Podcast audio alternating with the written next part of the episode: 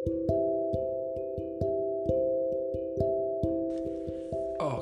halo guys, welcome to apa nih? My first podcast. Mungkin ini bakal jadi podcast pertama gua. Jadi maaf ya kalau agak awkward. Karena menurut gua podcast ini merupakan platform yang pas untuk kita ngobrolin segala hal tapi tetap lebih enjoy tentunya. Nah, akhir-akhir ini gue lagi membicarakan mengenai seksualitas nih. Banyak orang yang tertarik mengenai topik ini, I don't know why. Mungkin ketika kita lagi nongkrong di cafe, sambil chill bareng teman-teman, kongko-kongko, gue mau nanya nih, apa sih yang lo pada bicarain? Masa depan kah? Urusan sekolah kah? Atau perbucinan. Hal yang tadi sebenarnya nggak salah sih, tapi pasti ada yang kurang menurut gue. Sesuatu yang common atau yang sering kita bicarain, tapi kalian gak mau ngaku dan malu pasti.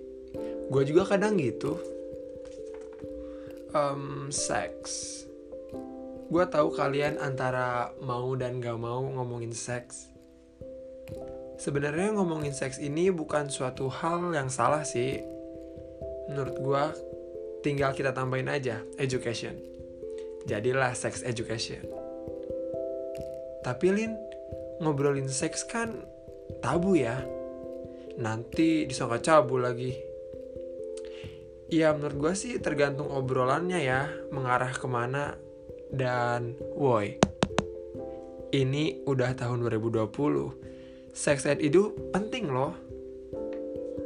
First thing first, apa itu sex education?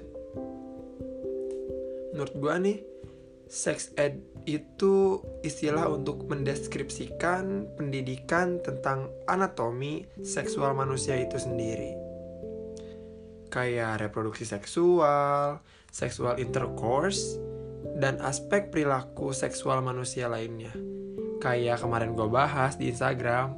Jangan lupa follow Instagram gue Sobari. S nya 2 I nya 2 cek videonya ya.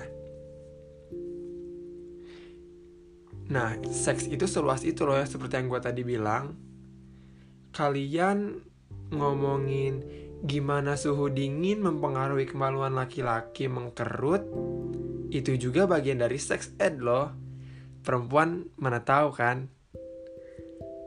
Tapi di sini kita harus tekankan lagi ya ke arah mana nih seks pembicaraan itu mendidikkah atau enggak. Karena banyak banget menurut gue alasan kenapa seks edukasi itu penting. Alasan yang pertama sih kita harus menjadi lebih kritis lagi tentang seksualitas itu sendiri.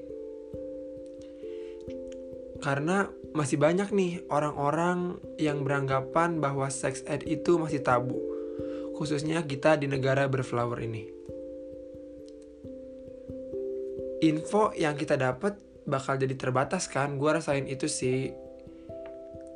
Terus emang sih sekarang banyak info yang melalui media sosial internet khususnya tetapi menurut gue nggak semuanya ditujuk untuk seks info yang edukatif bisa aja kan cuma buat kesenangan belaka orang doang. Pasti warga Twitter pada tahu nih. Kalau udah kayak gini kan bisa bahaya juga ke kitanya. Lo dapet sex ed yang enggak berdasarkan fakta dengan data yang kuat.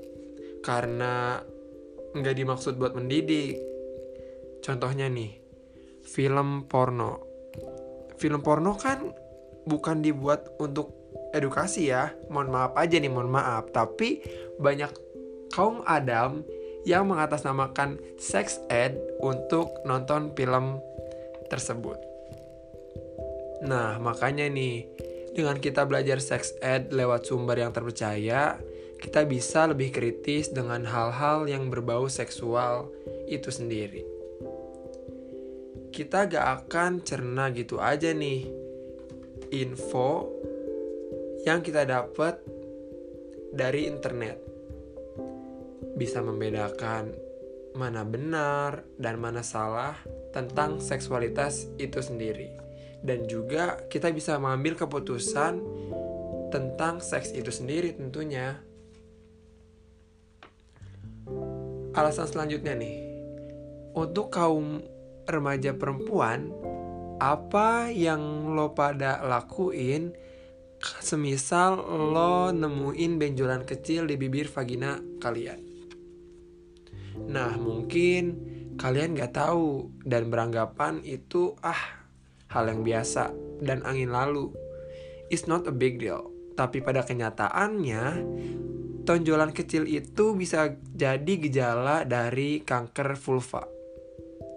Iya, yang merang, menyerang bagian luar vagina kalian.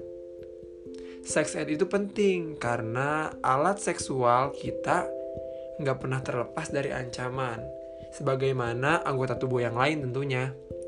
Jangan sampai nih, obrolan yang bawa-bawa nama kelamin, kita langsung leave gitu aja. Kita langsung tinggalin obrolan tersebut. Kita nggak boleh menghindari obrolan tersebut karena kita lihat dulu konteksnya itu mengarah ke mana. Minimal kalian harus tahu lah basic dari seksualitas itu sendiri atau seks edukasi Alasan ketiga, kita akan lebih berhati-hati dalam bertindak tentunya. Seks itu punya bahasan yang cukup luas loh. Seks edukasi juga bisa menentukan hal kecil dan hal yang paling berpengaruh untuk kehidupan kita nantinya. Setelah hal-hal tersebut lo tahu, gue mau nanya nih, apa lo udah siap nih untuk berhubungan seks pertama kalinya? Kalau kalian siap, apa yang membantu lo berpikir bahwa lo udah siap? Apa itu lo udah tahu dampak first sexual intercourse-nya? Atau lo tahu di pihak laki-laki bakal terjadi seperti apa dan di pihak perempuan sendiri bakal terjadi seperti apa? Dan apa lo tahu dampak yang akan terjadi pada fisik dan mental lo sendiri? buat sebagian orang keperawanan itu penting loh penting banget malah kalau kita berpikir oke okay, gue udah siap nih untuk melakukan seks bebas dan tapi ujung-ujungnya menyesal alah banyak yang kayak gitu karena banyak banget hal yang krusial mengenai kesiapan untuk ngelakuin seks bebas itu sendiri gue mau nanya lagi nih. Apa lo siap punya anak? Coy, punya anak itu atau bikin anak itu gak segampang lo beli bahan-bahan, lo tentuin takaran, jadi. Gak segampang itu. Gue mau nanya juga, apa lo siap nanggung resiko penyakit seks bebas? Jadi, banyak banget kan seks bebas yang menjadikan orang-orang penyakitan khususnya orang-orang yang udah melakukan seks bebas secara masif ataupun dia banyak banget nih jadwal terbangnya sampai-sampai menimbulkan penyakit yang belum ada obatnya sampai sekarang ya kita tahu semua itu adalah HIV ada juga untuk perempuan kanker serviks dan laki-laki ada juga nih gonore yaitu kencing nanah. Aduh, kebayang gak sih lo kencing nanah? Setiap pagi lo gak bisa kencing, malah keluarnya nanah. Untuk teman-teman yang sekiranya ngerasain hal-hal tersebut, mending langsung ke dokter aja deh. Jangan cari tahu sendiri, maksudnya kita kan harus tahu dari sumber terpercaya itu sendiri. Nah, jadi sex ed itu sepenting itu loh, walaupun topiknya belum bisa nih diterima oleh masyarakat banyak, at least kita sebagai generasi muda atau remaja yang hidup di zaman now harus tahu banget mengenai seks edukasi itu sendiri.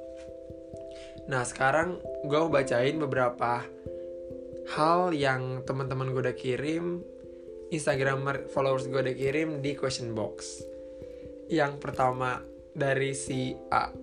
Oh sebelumnya kita udah sepakat bahwasanya kita nggak akan nyebutin nama dan ngebuat ini menjadi secret cuma ada di podcast gue doang. Jadi stay tune ya.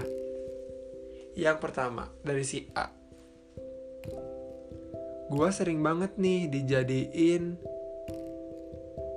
bahan pelampiasan dari pelatih gue sendiri. Dia sering ngirimin pap kelaminnya ke gue, bahkan 18 plus. Astaga, ini maksudnya ini kan pelatih.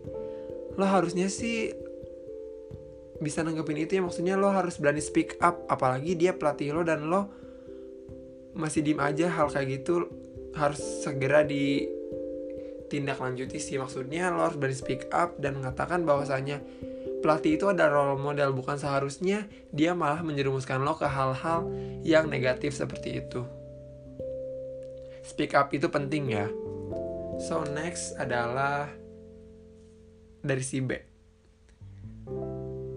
Gue udah kenal nih sama orang tapi dia tiba-tiba ngomongin seks dan ngirimin beberapa aduh kenapa sih orang-orang suka pada ngirimin pop sembarangan? Lo emang gak punya malu ya? Maksudnya lo baru kenal di sini posisinya. Dan itu adalah hal biasa cenah udah dikasih tahu.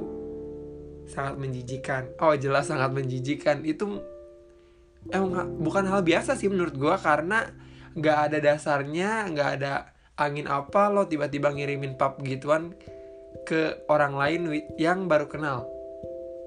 Langsung blok sih menurut gue selanjutnya nih gue lagi di motor. Nah tanpa sengaja pacar gue nyuruh gue megang barangnya. Aduh gue kalau jadi lo langsung putusin di situ juga. Kenapa? Karena dia aja udah berani kayak gitu di publik loh. Public area which di jalan kan itu otomatis orang-orang pada ngeliatin lo secara nggak langsung. Ya itu sih udah toxic banget ya awal-awal. Semoga lo cepat putus deh sama pacar lo karena dia bakalan jadi toxic banget ke depannya mungkin. So next ada dari oh si C. Gue juga punya toxic relationship tapi nggak berbau seks uh, menurut gue emang banyak banget ya toxic relationship yang nggak mengarah ke seksualitas doang tapi banyak juga seperti kayak posesif ataupun um, lo seperti dikakang gitu kan. Jadi ada juga orang yang selalu merasa bersalah karena itu. Nah itu merupakan toxic relationship juga sih menurut gua. Dan selanjutnya datang dari si D. Oh ini lumayan panjang sih. Bukan gua sih tepatnya temen gue di Twitter jadi dia udah pernah diperkosa gitu dan laki-lakinya gak mau tanggung jawab. Dan keluarganya juga bilang, kenapa kamu mau diperkosa sampai dua kali? Itu kan suka sama suka. Nah, si cowoknya ini setelah dia melakukan atau mereka melakukan pernikahan, itu merupakan pernikahan yang toksik. Gue berusaha nggak jadi si cowoknya ataupun keluarganya, maksudnya si temennya nggak jadi uh, kayak keluarga si cowoknya ya. Karena ini temennya yang lagi cerita. Sampai-sampai si cewek ini mau aborsi janinnya sendiri. Aduh gue merinding sih bacanya. Kebayang gak sih lo? Lo udah dua kali diperkosa dan keluarga malah maksudnya keluarga si cowoknya nanggepin kayak gitu. Maksudnya di sini kan keluarga harusnya sebagai support system ya bukan malah membuat anak yang lagi terpuruk malah makin terpuruk. Apalagi ini harusnya keluarganya bertanggung jawab keluarga si cowoknya. Sampai-sampai ada si ceweknya mau aborsi anaknya. Menurut gue sih anak itu nggak salah ya karena anak itu purely masih suci. Nggak dia bukan ngelakuin hal dosa apa pun di dunia ini untuk nanggepnya sih mungkin gue bakal kaitin sama next question next topik Oke, langsung kita baca aja. Menurut gua, toxic relationship itu tergantung dari kedua belah pihak.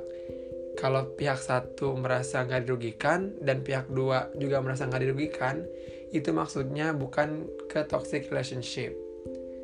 Ya tergantung juga sih, mohon maaf aja kalau ada salah satu pihak yang dirugikan dan pihak lainnya kabur. Nah itu baru toxic relationship.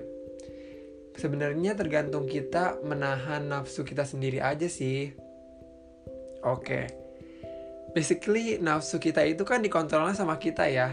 Dan sebagai remaja atau sebagai orang yang sudah mengerti tentang seks edukasi, seharusnya kita harus bisa memilah-milih nih. Nah, seperti yang gue tadi bilang, kita harus sudah bisa milah-milih mana yang benar dan mana yang salah, mana yang menjerumuskan ke hal negatif, mana yang enggak kita juga harus lebih peka nih terhadap lingkungan maksudnya dalam seksualitas seperti tadi kejadian di perkosa lo nggak bakal terjadi seperti itu kalau sekiranya di awal lo udah peka sama keadaan sekitar kita. Maksudnya kalau ter akan terjadi pemerkosaan lo harusnya buru-buru nih tinggalin hal yang berbau seks tersebut.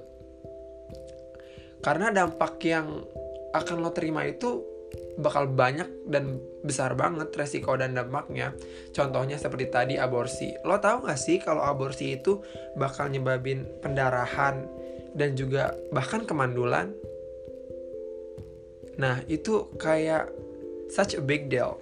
Jadi harusnya kita menanggapi toxic relationship ataupun hal-hal yang berbau seksual itu dengan bijak dan tentunya menggunakan pendidikan yang udah kita punya which is dari sex edukasi itu sendiri. Walaupun kita nggak dapet sex ed dari sekolah formal at least kita harus nyari tahu sendiri kan. So nafsu itu harus kita kendalikan of course karena nafsu itu datang dari diri kita sendiri. Nah manfaat belajar dari sex ed ini menurut gua kita lebih tahu dan bisa mengarahkan nafsu kita menjadi hal-hal yang bisa kita keep sendiri karena kita udah paham betul apa dampak dan resiko yang akan terjadi kalau kita terus ngikutin nafsu kita itu sendiri. Oke, yang terakhir adalah seks pranikah itu merupakan hal yang gak tabu dan semua orang harus tahu. Menurut gua sih remaja kekinian anti seks pranikah segitu aja mungkin podcast yang dapat gue sampaikan saat ini. Semoga bermanfaat untuk kita semua. So di next podcast semoga kalian akan lebih ngedengerin lagi dan mengambil manfaat-manfaatnya. Makasih yang udah buat makasih yang udah mau dengerin podcast pertama gue. Semoga bermanfaat. Have a nice day.